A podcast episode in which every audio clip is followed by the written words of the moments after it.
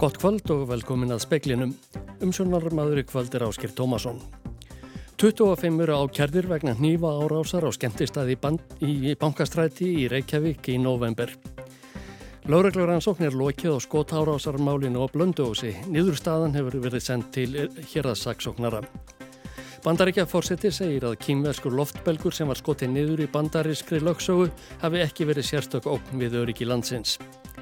Stjættarfélagið Ebling ætlar að leita til félagsdóms vegna meintra verkfallsbrota Íslands hótela. Forstjóri samkeppnis eftir litsins segir að fyrir allanir Íslandsbanka á kveiku um sammenningu þurfið að skoða ofan í kjölinn.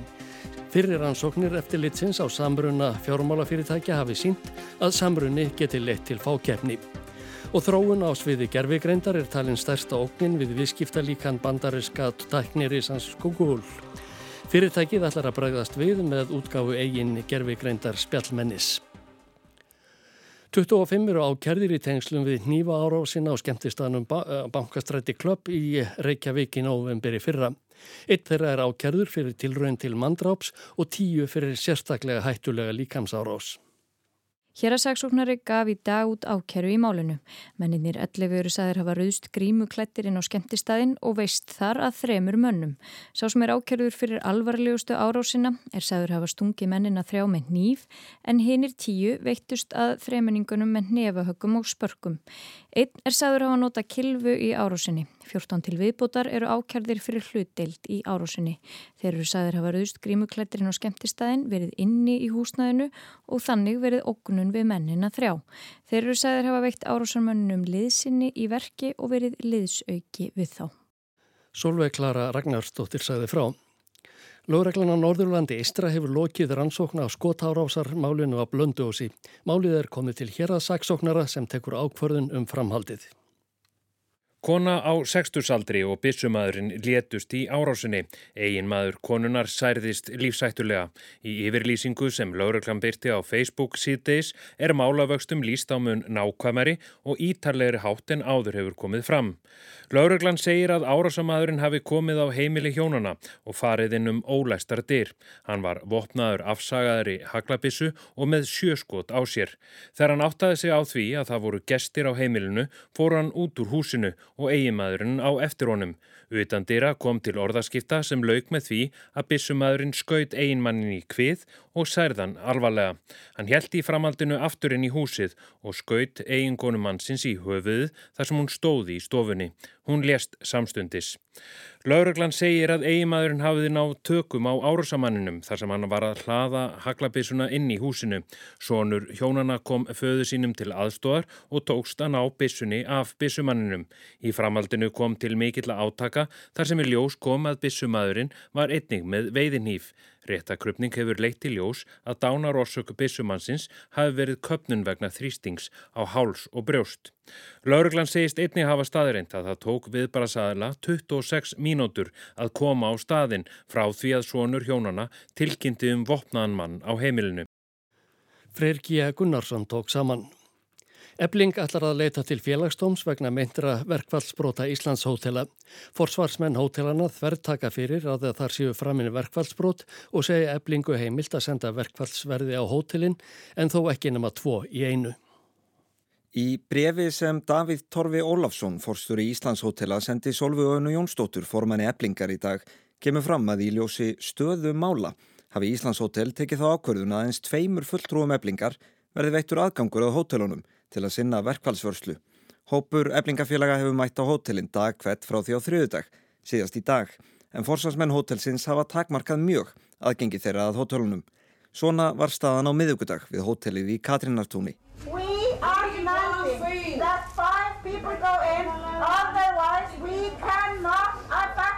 Stjórnendur Íslands hótela saka eblingarfélaga um verkfallsvörslu sem líkist frekar mótmælaðgerðum. Þær hafi valdið gestum og öðru starfsfólki sem er ekki í verkvalli, vanlíðan og óöryggi og við það verði ekki unað.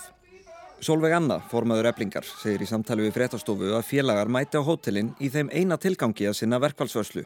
Það er tryggja að enginn gangi í störf eblingafélaga. Þá ber hún hótelin þungum sökum og segir alveg ljóst að verkfallsbrót séu framinn. Svo virðist sem fólk hafi verið ráðið inn tímabundið til að sinna störfum þeirra sem eru í verkfalli. Solveig segir að ebling undirbúi nú stefnu til félagsdóms vegna þessara myndu brota. Brota sem Íslandshótel þvertaka fyrir. Alexander Kristjánsson sagði frá. Joe Biden, bandarækjafórsiti, segir að kínverskur loftbelgur sem bandarækja hér skaut nýverið niður innan eigin lofthelgi hafi ekki verið sérstök öryggisóg. Þingmenn hafa sumir gaggrind fórsetan fyrir að hafa ekki brúðist fyrr við.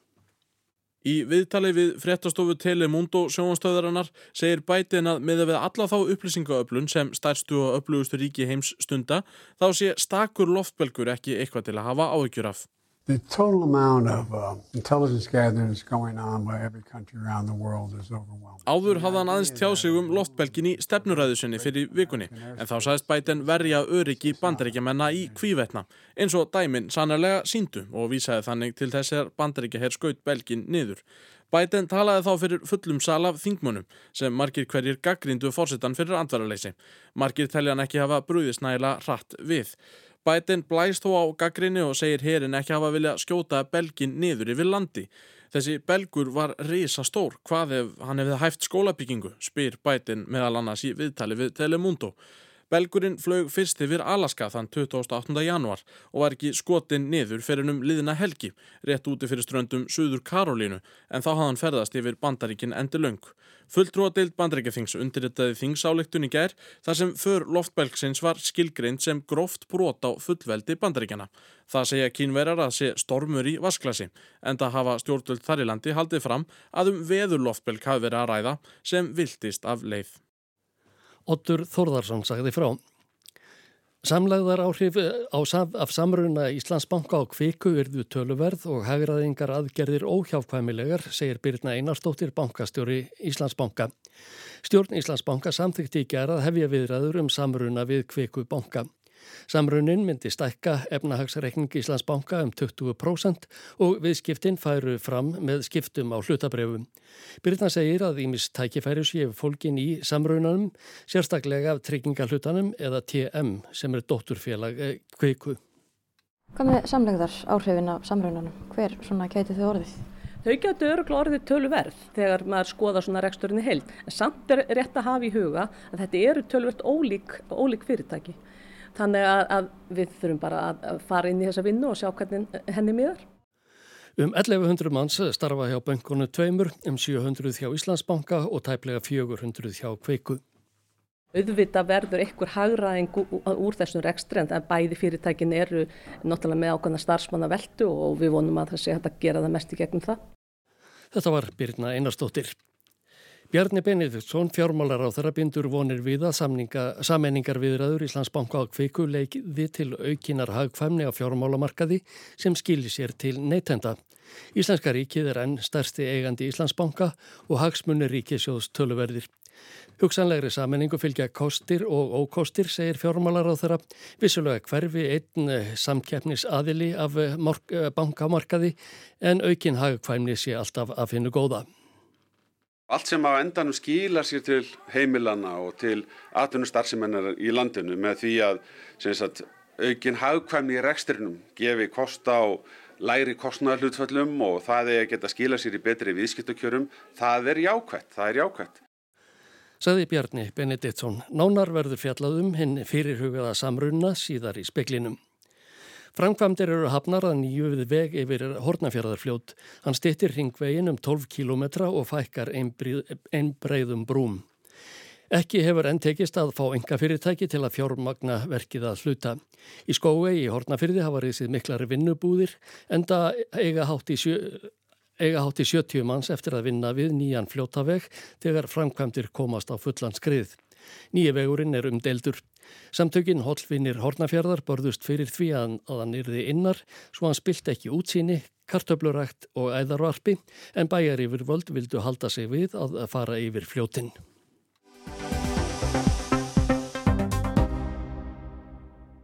Í gær samþykti stjórn Íslandsbanka tilbóð Kvikubanka um að hefja viðræður um saminningu bankana tvekja. Með því er ætluninn að auka vöruframbóð til viðskiptavinna og hagraða í rekstri. Stjórn Íslandsbanka segir að efnahagsreikningur bankans stækki um 20% ef afsaminningunni verður, auk þess sem tryggingarekstur kviku auki fjölbreytni í tekjugrunni félagsins. Sigurður Hannesson, stjórnarformaður kvikubanka, segir fjármálakerfið á Íslandi vera dýrt og leita þurfi leiða til að draga úr kostnaði. Bjarni Benediktsson, fjármálaráþara, tekur vel í áforminn en ríkið er stærsti hluthafin í Íslandsbanka. Friðbert Traustason, formaður samtaka starfsmanna fjármálafyrirtækja, er ekki bjart síðan á að af samrunanum verði, nema með ströngum skilriðum frá samkefniseftilitinu. Hann óttast að hagræðing þýði, eins og ofta áður, að starfsfólki verði sagt upp. Um 300 manns starfa hjá Kviku í dag, en hátt í 700 hjá Íslandsbanka. Starfseminn er nokkuð ólík. Kvika er fyrst og fremst fjárfestingabanki og umsöfa mikill á sviði trygginga, bílalána og sjóðstýringar. Íslandsbanki er hins vegar alliða banki og stór á viðskiptabankamarkaði. Kvika, TM og Likill saminuðust fyrir rúmum tveimur árum og það er ekki fyrsti samrunni kviku frá stopnun, aldilis ekki. Yfirtökur eða samrunnar hafa samtals verið tíu talsins frá stopnun kviku árið 2015 þegar Ströymur og MP banki runnu saman. Ef til samrunna kviku og Íslandsbanka kemur verður til stærsta fjármála fyrirtæki landsins. En til þess að afverði þar samkemniseftilitið að leggja blessun sína yfir verknaðin.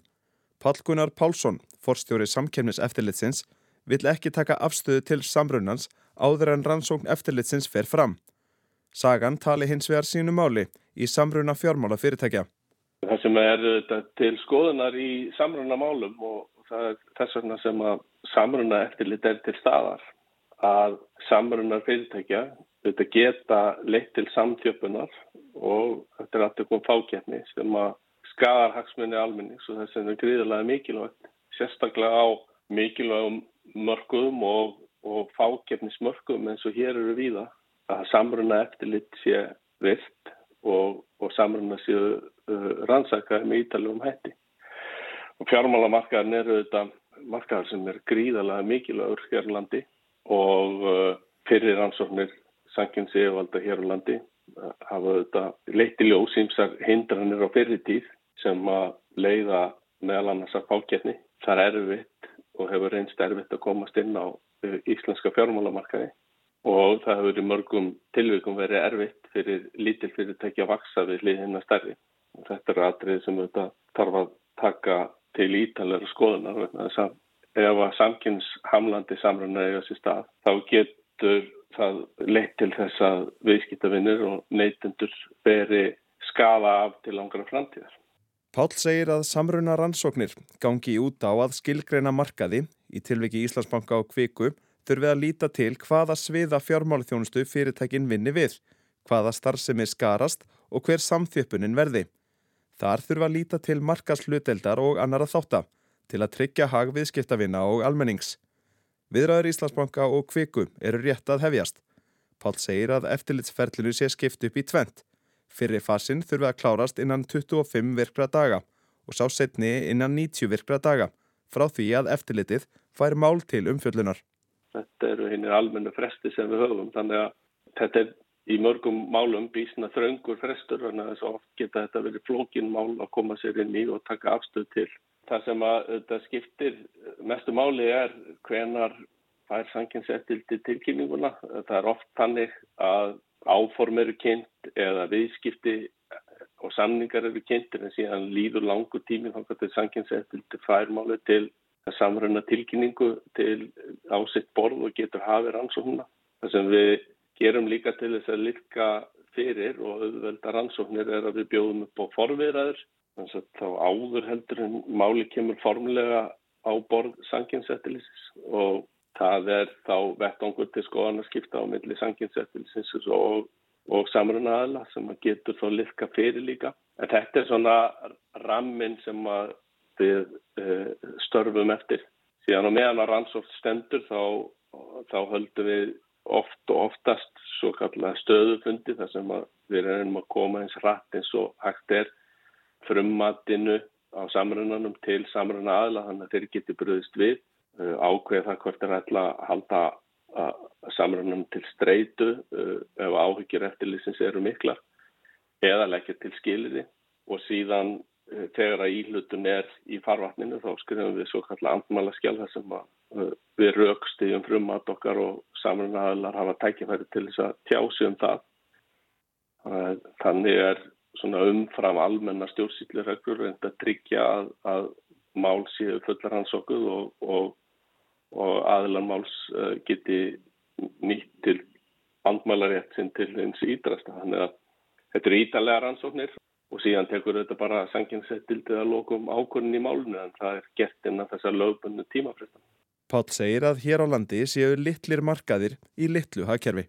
Hér leikast á sjóna með um mikilvægi stærðar hagkamninar og það eru þetta oft rauk fyrir samrunum að, að það sé nöðsilegt í okkar litla umhverfan áfram meiri hagkvæmni í rekstri fyrirtæki hvort sem það er á fjármálamarkaði ekki.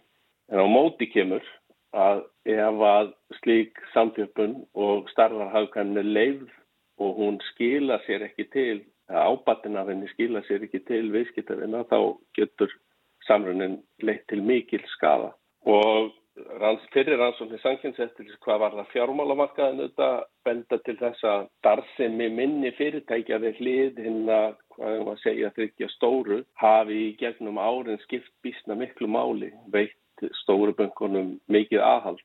Og það er auðvitað svo reynsla sem við byggjum á. En svo verður bara komið ljós hvað er nákvæmlega verið að hugsa með þessum tiltekna samruna, hvað kemur í staðin, hvernig verður sanginsahaldi eftir, eftir samrunan og, og þessin er þetta ekki það fyrirfram að segja til niðurstöðuna í þessu máli. Þetta var Pál Gunnar Pálsson, Bjarni Rúnarsson tók saman.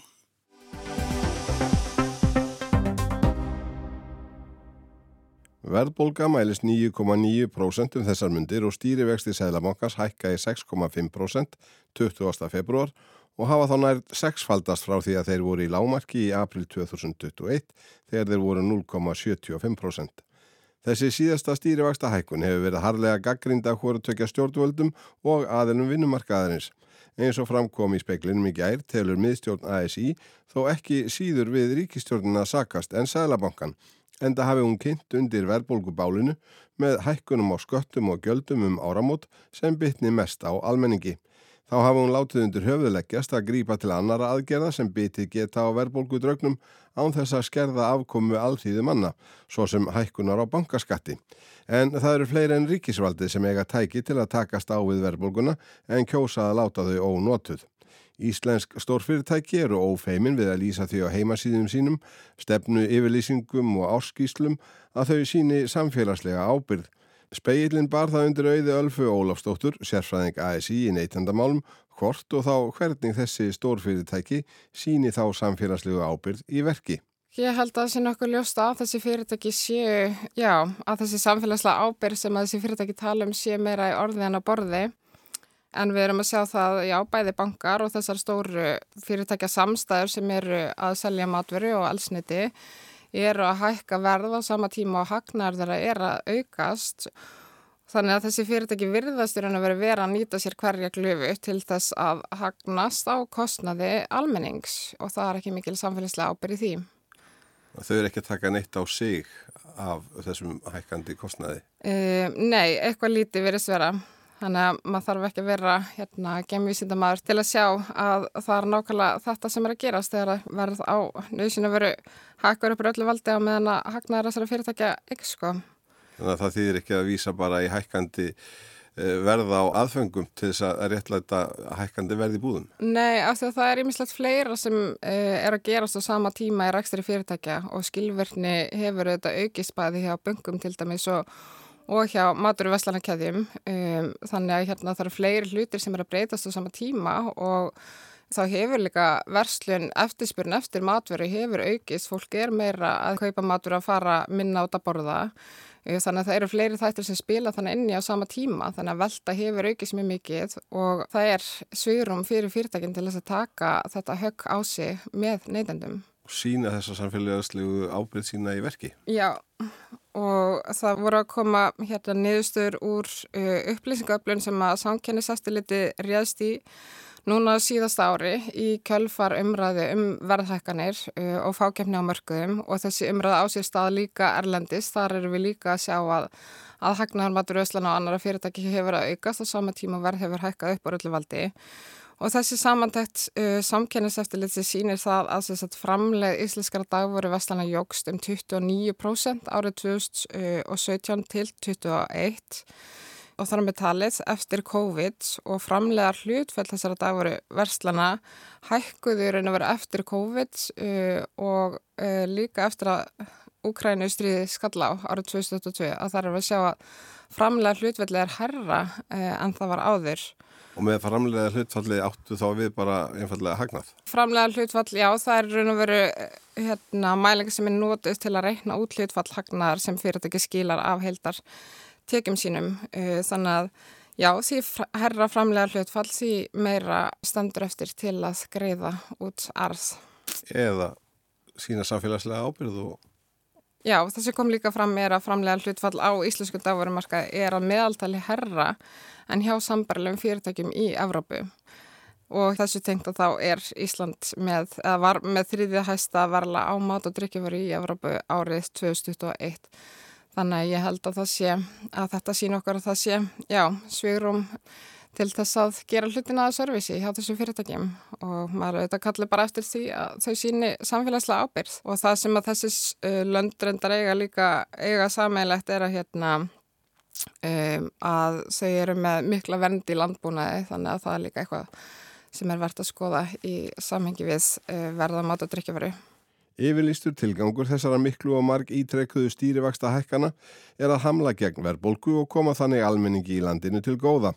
Það er leiða hins vegar líka óhjákamilega til aukina útgjalda hjá skuldsettum heimilum og fyrirtækjum landsins og því meir sem þau eru skuldsettari.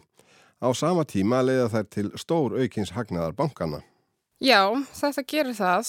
Við erum að sjá að vaksta tekjur bankana hafa farið vaksandi og vaksta munur bankana hefur aukist eða þess að sko munurinn á vaksta tekjum sem bankin innhemdir og vaksta gældu sem þeir greiða. Við erum að sjá að vera já, meiri vakstamun hjá böngum sem er enga eigu en böngum sem er í eigu ríkisins eh, að hérna, fulla hluta til og þetta er auðvitað vaksta tekjur, þetta er stæsti tekju pósturbankana og við höfum verið að sjá uh, aukna arðsemi hjá böngunum undan farin ár. Þannig jú, þetta skilja sér klálega í auknum hagnaði til bankana og kannski verðt að minnast á það að bankaskattur var ju lækkar hérna fyrir ekki löngu síðan að stjórnvöld töldu uh, þörfa því uh, sem að skýtur þetta svolítið skökku við í þessu ástandi.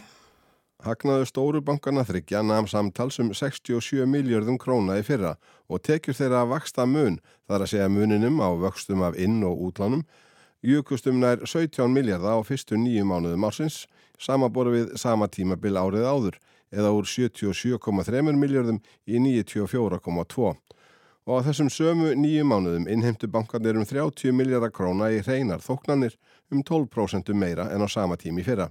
Já, svo sannlega. Uh, það er óbærslega mikill hagnaður hjá böngunum og þess vegna myndir maður uh, haldað að það hefði verið sigurum til þess að hafa þennan bankaskatt áfram á. En, Eða bankanir fær ekki jafnbrætt í vaksta hækkanir og selabankin? Já, algjörlega. En eins og við vitum þá eru þetta mikil fákjefni á þessu markaði. Um, þannig að það hefur, hefur mikil áhrif. Þannig að hvaðin til þess að halda Já, til þess að hérna halda vöxtum lágum er uh, minni en alla. Þetta sagði auður Alfa Ólafsdóttir, Ævar Örn Jósefsson talaði við hana.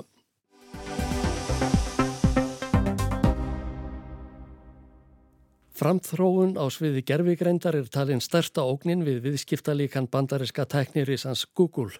Fyrirtækið ætlar að bregðast við með útgáfu eigin gerfigreindar spjallmennis.